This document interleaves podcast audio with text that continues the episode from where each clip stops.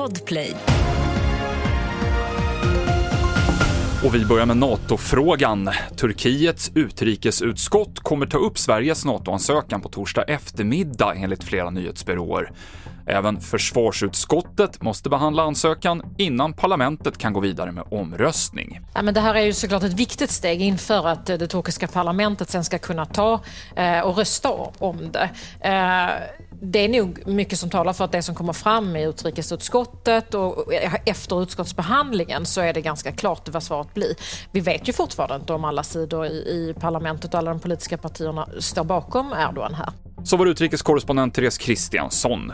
62 svenskar lämnade Gaza igår enligt UD och 101 personer med svenskt medborgarskap och en med uppehållstillstånd i Sverige kan få lämna Gazaremsan idag via gränsövergången till Egypten. Detta enligt en namnlista från lokala myndigheter i området.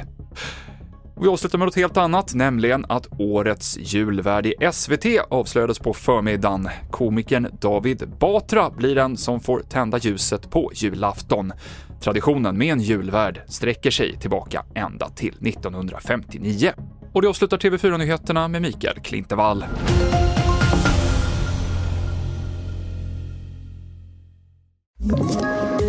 Poddtips från Podplay. I podden Något Kaiko garanterar östgötarna Brutti och jag, Davva, dig en stor dos skratt. Där följer jag pladask för köttätandet igen. Man är lite som en jävla vampyr. Man har fått lite blodsmak och då måste man ha mer.